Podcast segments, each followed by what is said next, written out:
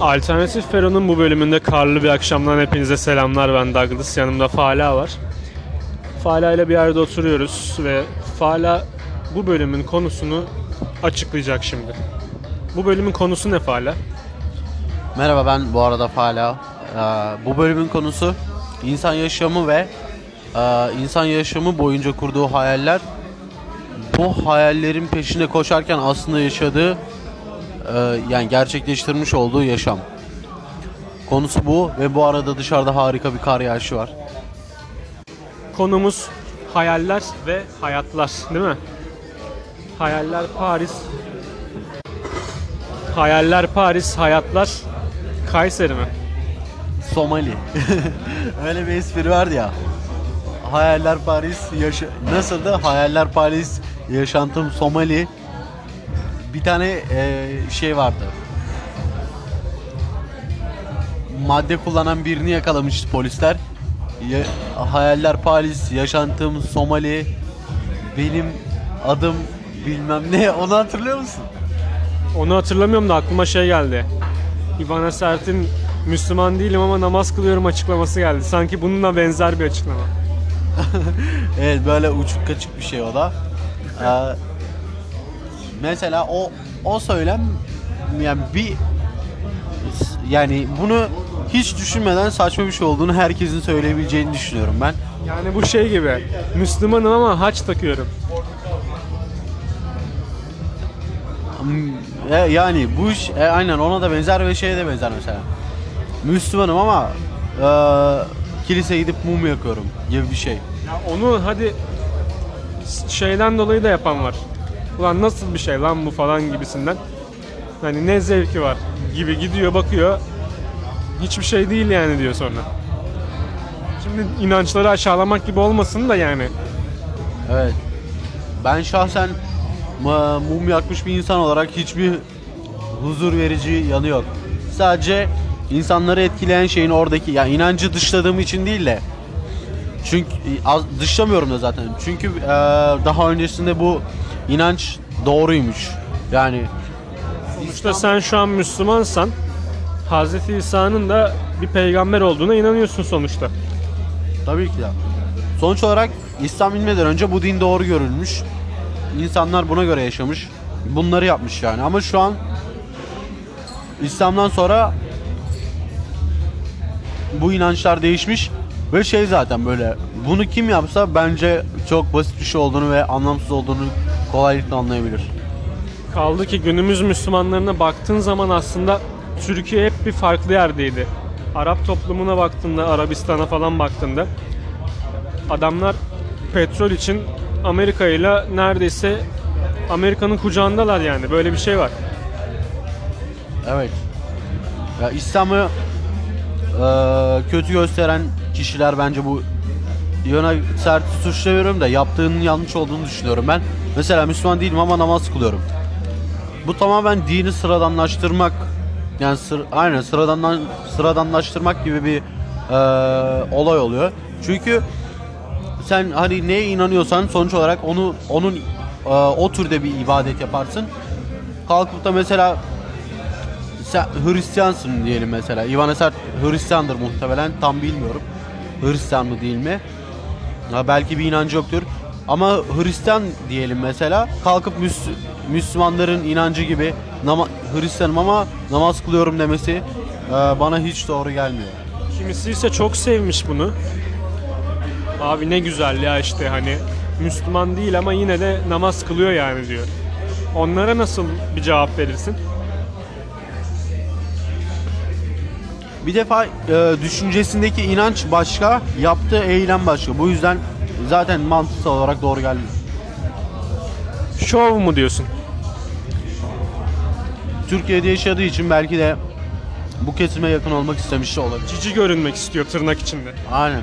Hoş görünmek istiyor olabilir. Yani Ivana Sert'i de eleştiriyorlar çok.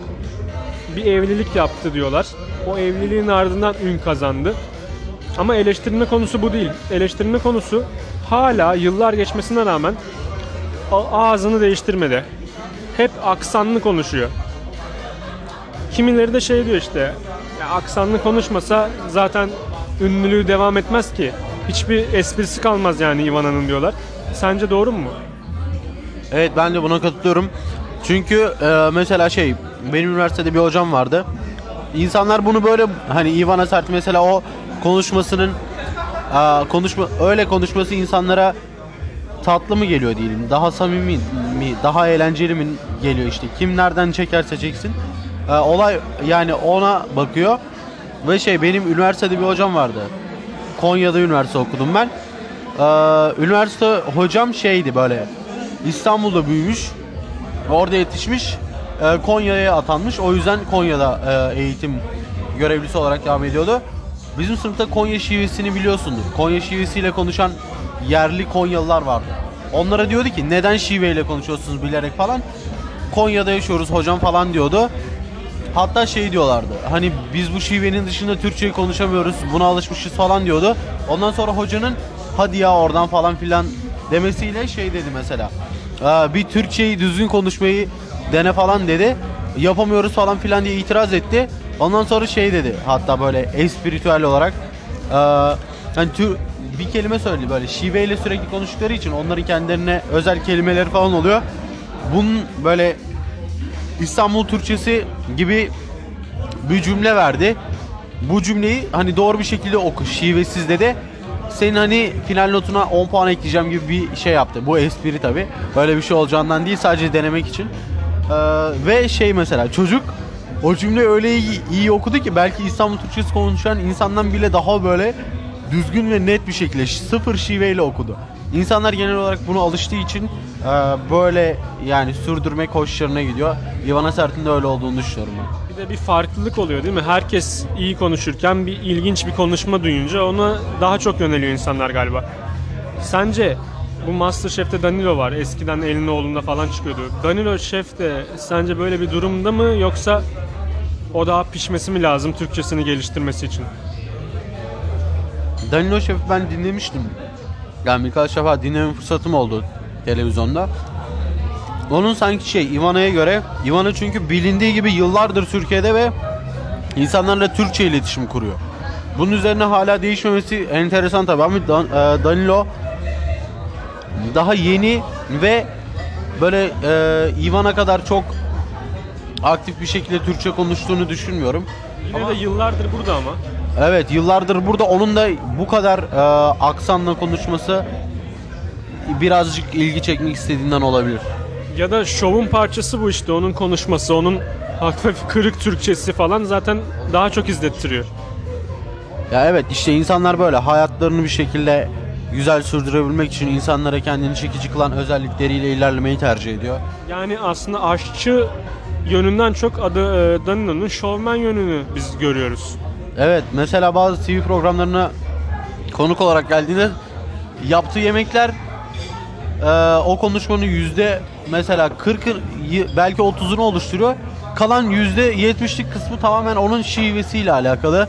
Söylediği kelimeler, komiklik, espritüel olması yani o şivenin kattığı espritüellikle. Genel olarak e, konu asıl e, sahip olduğu mesleğin dışında onun konuşması gündeme geliyor. Yani hayaller ve hayatlar diyebiliriz değil mi? Evet. Çünkü insanlar onu öyle çekici bulduğu için çekici bulduğu dediğim mesela eğlenceli buluyor, samimi buluyor. Komik buluyor. Her türlü işte kim nereden çekerse. Sence Ivana İstanbul Türkçesiyle konuşmayı biliyor ve bildiği halde bu şekilde konuşmaya devam mı ediyor? Evet çünkü evet insanlar çünkü eee, ona öyle alışmış. Bunu değiştirirse kendisinin de gündemden düşeceğini düşünebilir. Yani bana göre öyle olur. Bunun için ekstra e, enerji harcaması gerekiyor ama. Yani bunu yaşamını bu refah düzeyinde sürdürebilmek için bence bu enerji harcaması gerekiyor. Çünkü insanlar böyledir. Yani aslında hayal ettikleri bu olmasa bile hayatları bu diyorsun. Yani insanlar ana konumuza geri dönersek hayal ettiklerini değil de aslında yaşaması gerektiği şeyi yaşıyor. Evet mesela o Türkçeyi gayet akıcı bir şekilde konuşuyor olabilir. Ee, televizyon karşısında olmasa da. Bunu işte dediğim gibi insanlara her zamanki gibi aynı ya zaten e, kalıplaşmış bir Ivana Ivana görseli var. halkın halkta. Bunu değiştirdiğinde Ivana haliyle düşer bence. Sence Ivana Sert rap müziğe sanat değil demiş iken sonradan aslında demek istediğim şey o değil diyerek niye yan çizdi? Yani ben ben onu demedim. Beni yanlış anladınız. Benim hani Türkçem bozuk. Oraya getiriyor konuyu bir de. Bu bence kıvırma yöntemidir. Aldığı tepkilerle aldığı tepkilerle düşüncesinin yanlış olduğunu fark edip sonrasında tatlı bir şekilde yine dediğim gibi işte halka gö- kötü gözükmemek adına e, kıvırmış olduğunu düşünüyorum ben. İnsanlar hayal ettiği şeylerin %90'ını yaşayamıyor değil mi? Maalesef. Ya bunu yaşayan insanlar var elbette. Mesela sadece kendi istediği ve hayalini kurduğu şeylerin peşinde koşup bunlar için çabalayan gerçekten eee, insanlar var ama bunlar nadir insanlar. Yani şu üçü gerekiyor aslında. Çaba, şans ve para. Hani belki birisi olmadan yine yapabilirsin. Ama mutlaka ikisi olmak zorunda. Evet. Ya zaten eee, artık insanlar şey mesela para kazanmak için sabah sarf ediyor. Eee, parayı kazanmaya başladığında gerçek hayallerinden vazgeçiyor ve eee, mutsuz bir şekilde ilerleyip bir şekilde para kazanıyor. Çünkü yaşam boyunca paranın hani eee, gücünü mü desem? Evet paranın gücünü fark ediyorlar. Ve böylelikle hani bakıyor ki ben bunu işten para kazanıyorum. Aslında yapmak istediği şey bu değil ama bundan para kazanıyor yani. Bunu eee, kaybetmek de istemiyor. Bu yüzden hayallerinden vazgeçiyor. Ben bir fotoğrafçıdan şunu duymuştum. Gerçi bunu bütün sektörlere uyarlayabilirsin. Öğrencilik yılları ve gençlik yılları ile ilgili önemli bir saptama olduğunu düşünüyorum. O yüzden söyleyeyim sana. Şunu dedi. Eskiden dedi kendi öğrencilik yıllarına atfen ilgim ve zamanım vardı, param yoktu dedi. Fotoğrafçılığı kastediyor. Ama sen bu sektörü genişletebilirsin. Şimdi diyor param var, zamanım var ama ilgim azaldı diyor. Ya da ne bileyim param var, ilgim ve zamanım yok artık diyor. Yani bazı şeyleri zamanında yapacaksın demeye getiriyor. Aynen öyle olduğunu düşünüyorum ben de. Şöyle bir şey de olabilir. Ee, aynen her şey zamanında güzel gerçekten. Para kazanmasan da bir şeylerden ne kadar zevk aldığına bakman gerekiyor. Yani seni ne kadar mutlu ettiğiyle alakalı her şey. Ee, yaptığın iş, davranışlar, insan ilişkileri. Senin hani ne mutlu ediyorsa onu yapmalısın. Şöyle bir şey de var mesela. İnsanlar aslında az para kazanarak çok yani mutluluğu elde edebiliyor. Fakat eee Sonrasında bunu yine kendi bozuyor bence. Çünkü fazla kazanmaya başladıktan sonra bu insan az kazanırken yaptığı işte mutlu olup eğlenmeyi biliyor. Sonra Bence bence mutluluğun genel kıstası parasında değil ya. Başka şeyler de var orada. Ha- hayır zaten az para kazanıp çok mutlu olabiliyor diyorum. Anladın mı? Sonrasında çok para kazandığında mutsuzluğa dönüşüyor. Bu neden? Çünkü İkisinde değil ama. Ya evet hepsinde değil tabii ki. Ya böyle istisnalar oluyor her şeyde olduğu gibi. Ama işte şey eee Fazlasını arıyor. Evet fazlasını arıyor. Parayı elde ettikten sonra doyuyor insan bir süre sonra. Doyduktan sonra da bu iş eee, bu işi yapmak istemiyor. Artık bir şekilde kendini sineye çekip dinlenmek istiyor. Ya da hayatın adayacağı bir şey mi kalmıyor? Mesela biz bu alternatif perona başlarken ben ilk podcast'te işte bir yola çıkacağız. Hani bu yol bizi nereye götürürse falan diyordum. İnsanların da bir kısmı şunu der mesela. Bir şey için çabalamak diyor ya da yolun kendisi, çilenin kendisi ulaşmaya uğraştığın şeyden daha kıymetli. Daha güzel olduğu için keşke orada kalsaydın diyor. Yani sonuca ulaşmayayım da hep o sonuç için çabalayayım. Evet. Böyle bir şey de var. Eee, şu aynen bunu genelde eee, bence şey yapıyor. İnsanlar kendi kendisine yapıyor. Çünkü mesela insan hedeflediği bir şey elde ettiğinde bile eee, mutluluğunu kaybetmemek için istediği eee, ulaşmak istediği noktayı sürekli yenileyerek böyle bıkmadan hep eee, çok uzaklara dalmadan, abartmadan, şımarmadan bir şekilde bu mutluluğu sür- mutluluğu sürdürebilir. Yani hedeflerini hep tekrarlamak zorunda diyorsun. Tetikleme mekanizmasını hep yeniden oluşturmak zorunda diyorsun. Evet çünkü mesela bir hayal kurup buna ulaştıktan sonra yeniden e, mantıksal olarak düşünüp e, daha iyi bir hayal kurup sonrasında onu tekrar yakalamak için çabalamak. Sürekli böyle işte döngü halinde e, devam edebilir ve ama bu hayal ettiğin şeylerin ya hayal ettiğin şeyin biraz senin yaşamına uyarlı bir şekilde olması gerekiyor. Uçuk kaçık veyahut da sen elde ettikten sonra mesela şımarmayı şımarmamalı bir insan. Bazen elde ediyorsun ama daha onun hiçbir kıymetine varamadan yeni bir hedef koymuşsun kendine. Ve o şey için çabalamaya başlıyorsun hemen. Elde ettiklerinin de farkında değilsin aslında. Evet. Şey şöyle bir söz vardır mesela. İnsan elde ettiğinin nankörüdür diye. Ya da insan başkasınınkini görmeden neyse. Evet. Yani insanlar genel olarak e, sürekli daha fazlasını arzuladığı için aslında yaptığı iş gayet güzel ve onu mutlu eden bir şey. E, çevreden gördüğü daha fazlasını elde etme ihtiyacı. Yani çevresine görüp özenip daha fazlasını elde etme ihtiyacı duyması. Sonrasında bunun için çabalayıp harcadığı e, emek, kırdığı insanlar. Yani bu yolda ilerlerken yaptığın davranışlara da çok dikkat etmen gerekiyor. Mesela bir insan yurt dışına çıkacaksa çalışmak için falan geride birçok e, soru işareti bırakıyor aslında. Kişiler var, aile var, arkadaşlar var. Belki başka şeyler var. Orada neler yapacak? Orada nasıl barınacak? iş bulabilecek mi? Dil meselesi var. Evet. Ee, aynı şey, aynen.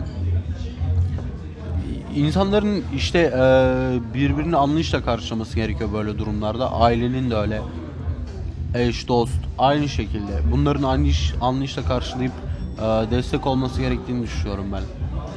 Çünkü insanların hayallerine ulaşabilmesi için e, herkesin çevresinde yakın dost dediği insanlar var. Aile dediği insanlar var. Yani ailesi var. Belki sevgilisi, eşi, dostu işte. E, bunların bu hayallere ulaşmanın başarısını bunların desteğiyle sağlamasının daha mümkün olduğunu düşünüyorum. Zaten destek değil de köstek oluyorlarsa sana ayak bandan başka bir şey değiller aslında. O yüzden onlara rağmen bir şey yapamazsın. Onlarla birlikte yapacaksın yoksa onları defterden silmen gerekir. Bir de şimdi mesela ülkemizin şartları da malum yani. Artık biliyorsun sen de zaten. Şu an mesela Almanya'da vasıfsız bir inşaat işçisine saatlik 16 ile 18 euro arasında para veriyorlar. İnsanlar da tabii haliyle ülkemizden çıkmanın bir şekilde çıktığım an kurtulacağım gibisine geliyor insanların. Bu konu hakkında ne düşünüyorsun? Bunu tamamen e, insanlar geçimini sağlama, sağlayamadığı için e, istediği hayallere ulaşmanın zorluğunu kendi yaşadığı coğrafyada zor gördüğü için e, dış taraftaki kolaylığı elde etmek istiyor. Aslında dış taraf şöyle bize göre kolay. Aslında onlara göre normal olan o. Çünkü işçiye saygı var, bilmem ne var. Hak edenine hak ettiği ücret veriliyor. Bizde birileri çok basit bir şekilde para kazanıyor hiçbir şey yapmadan. Ama birileri de var eziliyor saatlerce 8 saat eziliyor ama buna rağmen aldığı para yani ne elektrik doğalgaz masrafına yetiyor ne çocuk çocuğunu geçindirmeye yetiyor. Evet, e, maalesef günümüzde öyle. Ama yani bugünlerin de geç, geçebileceğin, geçeceğini düşünüyorum ben. Yaşam yaşam kalitesi e, coğrafya ile alakalı olabilir genel olarak. Coğrafya kader midir yani? Evet, coğrafya kadar denebilir. Çünkü şey mesela bir Amerika'da da olsan refah düzeyin ne kadar yüksek olur. Fakat ya Burada da dertlerin başka olacak ama. evet yani Ya siyahsan? Evet yani böyle sor- her yerde bir sorun var. İşte insanlar kendi hedeflerini e, gerçekleştirmek için hangi yol daha kolay geliyorsa onu tercih etmek istiyor ve bunun için çabalıyor. Bizde de mesela coğrafya öyle bir halde ki dört bir tarafımız ateş attı. Oradan savaş, buradan savaş, orada çatışma derken bir de felaketler var işte Elazığ'da deprem oldu, Van'da çığ felaketi oldu, uçak kazası falan oldu. Yani 2020 iyi başlamadı yani değil mi? Evet, dünya sadece ülkemiz adına da değil, dünya adına da konuşabiliriz. 2020 evet koronavirüsüyle e, bayağı bir gündeme geldi. 2020 uğursuz bir yıl olarak başladı diyebiliriz ama tabii e, güzel şeyler en başta genel olarak kötü durumlarla başladığını da düşünebiliriz yani. Belki yıl sonuna kadar hiç beklediğimiz harika ha- beklemediğimiz harika şeyler de olabilir. Abi ne olabilir? Yüzlerce kişi ölmeye başlamış. Sadece koronavirüs de değil yani Nijerya'da da virüs var. Orada da 40'ın üstünde çocuğun öldüğünden bahsediliyor. Lassa diye bir virüste. Kolombiya'da bir virüs çıktı ismi daha konulamadı. Yine 10 civarında çocuğun öldüğünden bahsediliyor. Yani ilginç. Geçen senelerde pek bu tarz yoğunlukta olmuyordu bunlar. Biraz daha zamana yayılıyordu, bir şeyler oluyordu. Ama koronavirüs gibi bir şey zaten yoktu. Bunların ben aslında şey e, siyasi bir hareket olduğunu da düşünebiliyorum. Dünya üzerinde zaten insan nüfusunu az, sürekli artıyoruz insanoğlu olarak. Sürekli artan bir nüfus var ve bu nüfusun e, dünyayı yani bu dünyanın bence şey böyle dünyanın taşıyabileceği bir nüfus kitlesi var. Ve Zaten bunu- şey var. Eski taşlarda falan 500 milyona düşürülme hikayesi yazıyormuş galiba. Evet olabilir. Çünkü mesela böyle sürekli artan bir nüfus olduğunda sürekli daha fazla tüketim, daha fa- çevreye verilen daha fazla zarar oluyor. Mesela insanların umursamadığı e, arabada giderken elindeki pet şişeyi pat diye camdan dışarı atması. Ama tüm insanlara yetecek kadar nimet yok mudur dünyada? Var fakat yönetim yani e, hiçbir zaman bu her anlamda doğru düzgün koordine edilemedi. Ne gelir konusu, ne tüketim konusu, ne de tüketim konusu. Hiçbir zaman doğru endeks edilemedi insan insanlar arasında. Çünkü sürekli bir siyasi ayrılık, fikir ayrılığı, ne bileyim din ayrılığı, düşünce ayrılığı sürekli insanlar bu ayrıştırmayla farklılaştı ve farklı bölümlere, kutuplara ayrıldı. Böylelikle e, iyilik iyilik düşünme e, oranı da art şey pardon azaldı. İyiliği düşünme oranı da azaldı. Bu yüzden insanlar sürekli mesela hani ben atsam ne olur? Me- o mesela o arabada giderken dışarı attığı çöp. Adam umursa Herkes atıyor diyor. yani herkes atıyor bilmem ne. Çöp, ben bunu atmasam çöpçü ne kazanacak falan filan. Bu tarz düşünceler var yani. Sen hani insanlar kendi kendine yaptığı eee, şeyleri fark edemiyor. Bence bu en başta eee, genel olarak dünya üzerindeki eğitimle alakalı. Bu koronavirüse geri dönecek olursak sen diyorsun ki komplo teorisyenleri gibi bu biyolojik savaşın bir parçası. Yani laboratuvar eliyle üretilmiş bir virüs mü bu? Eskiden mesela Ebola için bunu söylerlerdi, AIDS için bunu söylerlerdi. Bir ara domuz gribi çıkmıştı. Herkese aşılar maşılar dendi. E sonra bir anda domuz gribi söndü falan yani. Şimdi sen şu açıdan bakıyor musun olaya? Bu uluslararası bir komplo gibi. İlaç şirketleri de bunun arkasında olabilir diyor musun? Aynen böyle, böyle bir şey olduğunu düşünüyorum. Eee, çünkü şey mesela dünya üzerinde sürekli bir nüfus azaltma projesi yani dünyada yoğun bir şekilde insan artışı var. Bu tabii ki hani eee, kötü denemez de kontrolsüz bir şekilde büyüyoruz ve çevreye çevreye verdiğimiz zararın farkında değiliz. Çevreye verdiğimiz zarar doğal olarak bize geri dönüş yapıyor ve bunu iklimler, işte su kıtlığı, çeşitli eee, hayvanların neslinin tükenmesi bir sürü sebebe yol açıyor yani. Bir sürü şey sayabilirim şu an. bir sürü şey sayabilirim şu an. Ama mesela yani genel olarak bunlar ve e, ben dünya nüfusundaki e, hızlı artışın durdurulmak istendiğini düşünüyorum. Bu zaten yıllar öncesinde sigara ve farklı maddelerin dünya üzerinde üretilerek insanoğluna ulaştırılması gibi e, bir sürü şey var yani. Mesela de onlara da bağımlı etmiyor mu seni?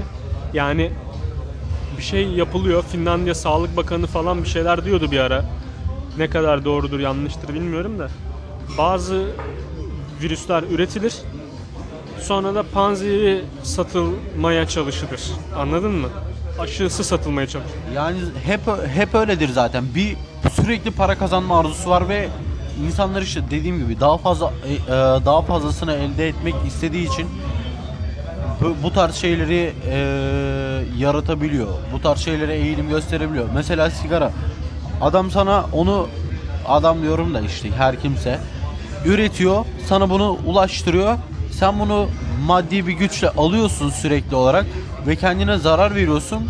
Bunun farkında değilsin. Eğlenceli o, o keyif verdiğini düşünüyorsun. Bunu alıyorsun kendi maddi gücünle. Bu maddi güç birike birike birike birilerinin hatta ülkelerin daha fazla kazanç sağlamasını eee, şey yapıyorsun, sağlıyorsun. Kazanç elde etmesini sağlıyorsun. Eee, aynı zamanda da senin sen sağlığından oluyorsun ve bu sağlık yenili hani eee, nasıl desem yenilenebilir bir eee, şey değil. Mesela akciğer kanserleri falan eee, çe- çeşitli çeşitli kanser hastalıkları türemeye başladı. Gırtlak kanseri var bilmem ne var. Adam artık konuşamaz hale gelebiliyor mesela. Evet yani işte bunlar da bence sigara belirli işte bazı madde ba- maddeler falan eee, bunların hepsinin ben dünya nüfusunu azaltma projesi olduğunu düşünüyorum. Ama bir de bak şu boyutu var ama. Tamam bu şekilde e, dünya nüfusu azalıyor olabilir ama sonuçta yine belli oradaki komplo teorisindeki denilen seviyeye bu şartlarda bu şekilde inemez. Yani bu komplo teorilerini bir de başka bir açıdan değerlendirdiğinde diğerleri de şunu diyor. Bunları ortaya atanlar diyor ilgi çekmeye çalışan, gündeme gelmeye çalışan insanlar. Tam ortada bir yanlış var ama bunu diyor özellikle bir proje şeklinde yapmadılar. Mesela koronavirüs kendiliğinden ortaya çıktı falan filan. Yok ya ben onun kendinden ortaya çıktığını düşünmüyorum çünkü öyle bir şey olsa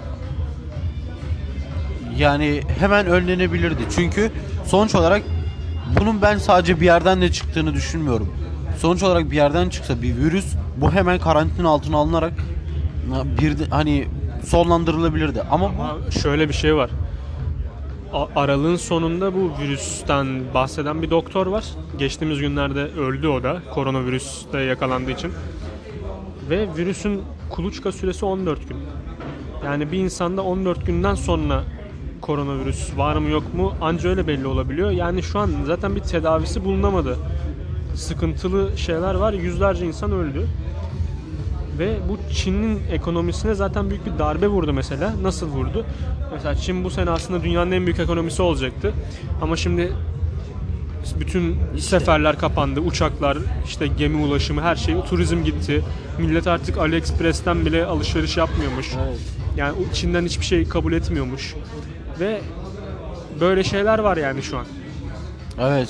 İşte dediğim gibi aa, bu virüs çıkartan insanlar aynı zamanda hem ekonomiyi hem siyasi anlamda aa, kendi rakiplerini zayıflatmayı sonrasında yani bir şekilde eee, hani güçlü üst akıllar dediğimiz kişiler bunu eee, hani güçlendiğini gören gördüğü bir bölgeye veya bir ülkeye insana eee, böyle farklı bir şekilde hiç beklenmedik açıdan zarar vererek bunun bu güçlenmenin durdurulmasını hedefliyor ve bunun aslında nelere sebep olabileceğini tahmin edebildiklerini düşünmüyorum. Ben çünkü bir virüs yaymak yani bir virüs oluşturup bunu insanoğluna e, enjekte etmek sadece siyasi anlamda ve ekonomik anlamda güçlenmek için bunu yapmak e, hiçbir şekilde bana mantıklı gelmiyor. Çünkü bu daha Çok sonra ülkeye sıçrıyor.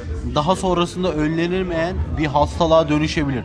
Buna bugün virüs diyebiliriz. Daha sonrasında yani tedavi edilemeyen bir hastalığa bile dönüşebilir yani. Bunun riskini alıp bunu yapması bana hiçbir zaman mantıklı gelmiyor. Ki bu zaten dediğin gibi Ebola bilmem ne falan bir sürü virüsün örneği yani bir sürü virüs bunun örneği olabilir. Ama yani buna mesela eskiden de SARS diye bir virüs vardı. Ona benzeyen mutasyona uğramış bir virüs falan dediler. Ama ben mesela olayın bir de şu boyutu var. Gerçekten bunu başka bir devlet ya da bir üst akıl dediğin gibi bu virüsü salmışsa Çin ekonomisine de darbe vermek amaçları varsa e abi Çin'de Apple gibi, Toyota gibi yani ne minimum ne sayabiliyorsan birçok şirketin fabrikası Çin'de var ya. Hani buna baktığın zaman Çin birçok ülkeden daha fazla petrol alıyor. kere bu alışverişler duracak, üretim duracak. Bütün dünya etkilenecek aslında. Dünyada bir genel bir enflasyon beklentisi oluşabilir yakında. Tabii ki de çünkü mesela Çin'de işçilik ücreti nüfus fazla olduğu için işçilik ücreti düşük olduğundan tüm dünya üzerindeki ülkelerin eee, en büyük markalarının fabrikaları orada neredeyse hepsinin var. Evet tüm pazarlar etkileniyor. Yani bunu eee, yapan yani yaptıklarında işte doğabilecek sonuçları genel olarak tahmin edemiyorlar ve sonrasında böyle daha büyük bir eee, olaya sebep olabiliyor. Sence Çin ölüm sayılarını gizliyor mu? Yani alt, aş- aşağıdan mı söylüyor yoksa gerçekten söylediği sayıda ölüm var mıdır? Ya bu tarz olaylarda hiçbir zaman ben rakamların doğru verildiğini düşünmüyorum. Çünkü mesela diyelim 1000 kişi öldü. O ona 500 kişi gibi hani 500 kişi gibi. Yani da 500 kişi dememe bakmayın da daha alt bir rakam söyleyip halkı sakinleştirmek istiyor. Ya halkı kışkırtmak istemiyor. Çünkü mesela şu an Çin'de insanlar bu virüsten kafayı yemiş bir şekilde kendi evcil hayvanlarını bile camdan aşağı atıp ölüme terk ediyorlar. Belki virüs taşıyordur. Bizim hayatımızda risk altında olmasın diye yıllardır beslediği en masum hayvanını bile acımadan camdan aşağı atıp e, canına canını katledebiliyor. Yani yol yolda yürürken ölen insanlar var böyle. O kadar fazla ki artık Çin insanların gömülmeyeceğini söylemiş. Direkt yakılarak yok edilmesini istemiş Çin hükümeti. Ee, bu ölen insanları gömmek yerine artık yakmayı tercih ediyorlar. Çünkü çok fazla olduğunu düşünüyorum ben ölümlerin. Yani böyle işte dediğim gibi sonucun ne olacağını bilmeden bir şeyi sadece kendi çıkarlarını düşünerek yaratmak eee, mantıklı değil yani. O Yani sen kesinlikle bu virüs kendiliğinden ortaya çıkmadı. Bir şekilde üretildi diyorsun. aynen ben böyle düşünüyorum. Çü- Evet. Mesela ya zaten şimdi mesela günümüzde de bir filmde sahne olmuş falan diyorlar da bu tarz olaylar genel olarak hep ya eee, maddi anlamda bir gelir sağlamak için yapa- yapar gelişmiş ülkeler. Geli- az gelişmiş ülkelere. Gerçi gelişmiş ülkelere de yapıyorlar. Çin gelişmiş bir ülke aslında. Evet işte gelişmiş bir ülke. Ee, yani yapıyorlar işte bir şekilde gelir elde etmek için veya ee, ekonomik olarak güçlenen bir ülkeyi yavaşlatmak hatta belki de durdurmak istedikleri için bu tarz eylemleri yapabiliyorlar. Ama yapıyor da kendisi de etkilenecek o zaman. Yani burada mallık mı yapıyor diyorsun?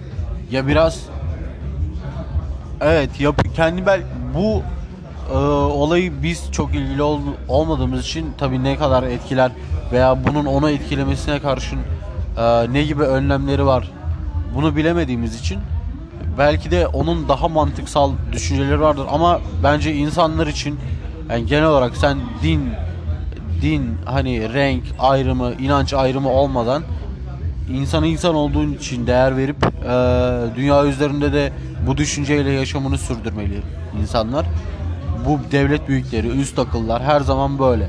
En azından nüfus kontrolü sağlanmak için böyle ölümlere sebep olmak yerine e, ailelerin çocuk yapma sayısı belki sınırlandırma gelebilir kanunen. Böylelikle hiç kimse ölmez ve hani bu virüslere, farklı şeylere ihtiyaç duyulmaz. Duyulmaz olur mu ya? Hep devam edecek bu tarz şeyler. Hani şöyle bu hani virüs va- gerçekten insan eliyle mi üretildi o, o konuda sen evet diyorsun da ben hani o konuda bir şey diyemem. Ama mesela şu devam edecek mesela. Bazı ülkeleri açık tahta olarak kullanıp açık hedef konumuna sokup mesela Suriye gibi bir savaş sahasına çevirebilirler. Burada da adeta bir bilgisayar oyunu oynuyormuş gibi bütün stratejik te- teknikleri deneyebilirler. Burada bütün askeri şeylerini, işte silahlarını, manevralarını, yeni füzelerini deneyebilirler. Suriye'de şu an o oynanıyor. Aynen işte hep eee, dediğim gibi kendinin yani hani böyle kendi çıkarları doğrultusunda sürekli hareket ettiği için insanlar, devlet büyükleri, eee, varlık sahibi, üst akıl insanlar daha fazlasını elde etmek isteyip kendinden diğer kişilerin kendinden daha üstün olmasını istemediği için eee, farklı şekilde kendilerini geliştirip eee, gelişen ülkeler veya işte kişileri yavaşlatmak adına böyle eylemler yapıyor. Yani ben böyle düşünüyorum. Sen Amerika'nın yani ABD'nin dünyanın jandarması tanımına katılıyor musun? Yani Amerika'nın bunu oynamasına nasıl bakıyorsun? Yani sanki bütün dünya ben, benden sorulur, bütün dünyanın jandarması benim. Ee, bunu tabii ki de doğru ben doğru olduğunu düşünmüyorum çünkü masum milyonlarca insan ölüyor. Yani bu jandarma tabiri ho- yakışmıyor tabii ki.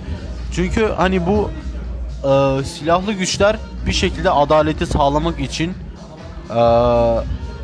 zarar vererek değil adaletin ne olduğunu öğretmek için e, güçlerini kullanırlar. Fakat bunlar sadece kendi siyasi e, siyasi hedeflerini gerçekleştirmek için hedeflerini Ekonomik de olabilir. Evet işte siyasi, ekonomik her anlamda kendi ülkesindeki vatandaşlarının daha üstün gözükmesini ekonomik anlamda, siyasi anlamda, refah düzeyi anlamında her anlamda daha üstün e, gösterip bunu yaşatmak istedikleri için masum insanların canına kıyıp farklı oyunlar düzenleyerek e, savaş senaryoları yazarak ilerlemeleri bana hiçbir zaman doğru gelmiyor ve bu jandarma tabiri tamamıyla yanlış. Okyanus ötesinden gelip başka ülkelere demokrasi getiriyoruz ayağına. Milyonlarca insan ölüyor değil mi? Şimdi bu podcast'in yavaş yavaş sonuna gelelim. Sen de toparla laflarını. Son söylemek istediğin şeyler neler onları alalım senden. Sonra da yavaşça kapatalım. Ya biraz klişe olacak gibi ama insana her insanın bence iyiliğin gerçek anlamda ne olduğunu bilerek insana insan eee, olduğu için değer verip saygı duyup eee, aslında benim her zaman savunduğum bir şey var. Doğru tektir diye. Bu doğruluğa insanları yakı- yakınlaştırma çabasında olup eee, zarar vermeden kimse kimsenin eee, hani kendi çıkarları için kimsenin kimseye zarar vermeden iyilikle ve eee, doğru bir biçimde yaklaşması bence dünyanın çözümü olabilir. Eee, bugünkü podcast'imiz bu kadar arkadaşlar. Umarım eee podcast'imizi konuşmamızı beğenmişsinizdir ve faydalı olabilmişizdir umarım. Yani bunlar bizim kendi düşüncelerimiz. Katılır veya katılmazsınız. Yani e, ben benim hayattaki hayat felsefem bu yönde. İyilik ve hani insanların insanın insana insanın e, insana insan olduğu için değer vermesi gerektiğini düşünüyorum ben ve İnsanı insana insanca anlatma sanatı, tiyatro gibi bir şey bu yani. Evet. Ve her zaman insanın iyilik barındırarak verdiği kararların her verdiği kararda iyiliği de e, düşüncelerinde barındırarak sadece kendi çıkarları doğrultusunda değil kime ne kadar zararı veya faydası olacağını düşünerek hareket etmesi gerektiğini düşünüyorum ben. Bu kadar. Yani benim hayat felsefem genel olarak bu. Umarım sizi de, e, yani size de faydalı bilgiler verebilmişizdir. Biz dinlediğiniz için teşekkür ederiz. Ee, umarım daha fazla karşılaşırız. Yani daha fazla e, birbirimizle iletişime geçip soru cevap veya sizin istediğiniz, istediğiniz tarzda e, sorulara cevap verebiliriz. Bu yüzden yorum yapabilir, e, sorularınızı veya düşüncelerinizi bizimle paylaşabilirsiniz. Mail ve Twitter üzerinden de bize ulaşabilirsiniz yani.